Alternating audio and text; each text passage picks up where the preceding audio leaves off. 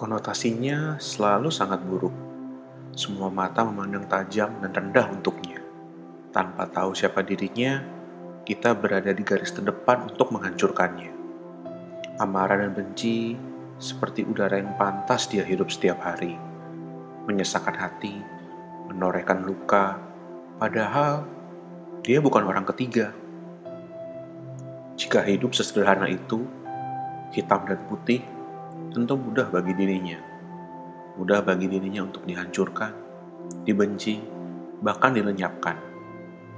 Kesetiaan selalu dipertanyakan ketika dirinya muncul. Padahal dia bukan orang ketiga.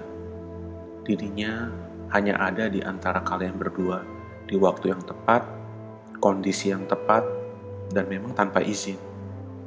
Dorongan yang muncul untuk pergi ke gunung bukan berarti kita mengkhianati nikmatnya hembusan angin di pantai kan. Dorongan yang muncul untuk berbagi cerita sederhana bukan berarti kita membohong kejujuran yang dibangun selama ini. Garis itu begitu tipis dan berwarna abu-abu, sampai kadang memang tidak terlihat. Melewati garis bukan berarti menuju jurang maut. Menginjak batas garis bukan berarti kita akan tenggelam di lumpur penghisap berada di sisi lain dari garis tersebut bukan berarti pengkhianatan. Tetaplah bersama dirinya dan sesekali berkunjung ke sini. Mengapa? Karena dia bukan orang ketiga. Hidup ini terlalu memuakkan jika harus dihabiskan di satu tempat.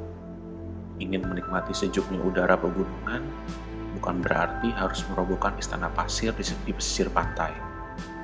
Jika memang harus dirobohkan, kenapa tidak? Namun, dia tetap bukan orang ketiga. Di akhir semuanya, siapa dirinya? Jika dia tidak layak dibenci dan dicaci, mengapa dia ada di hidupmu? Dia tidak meminta izin untuk masuk, dan mungkin tidak akan pernah diizinkan.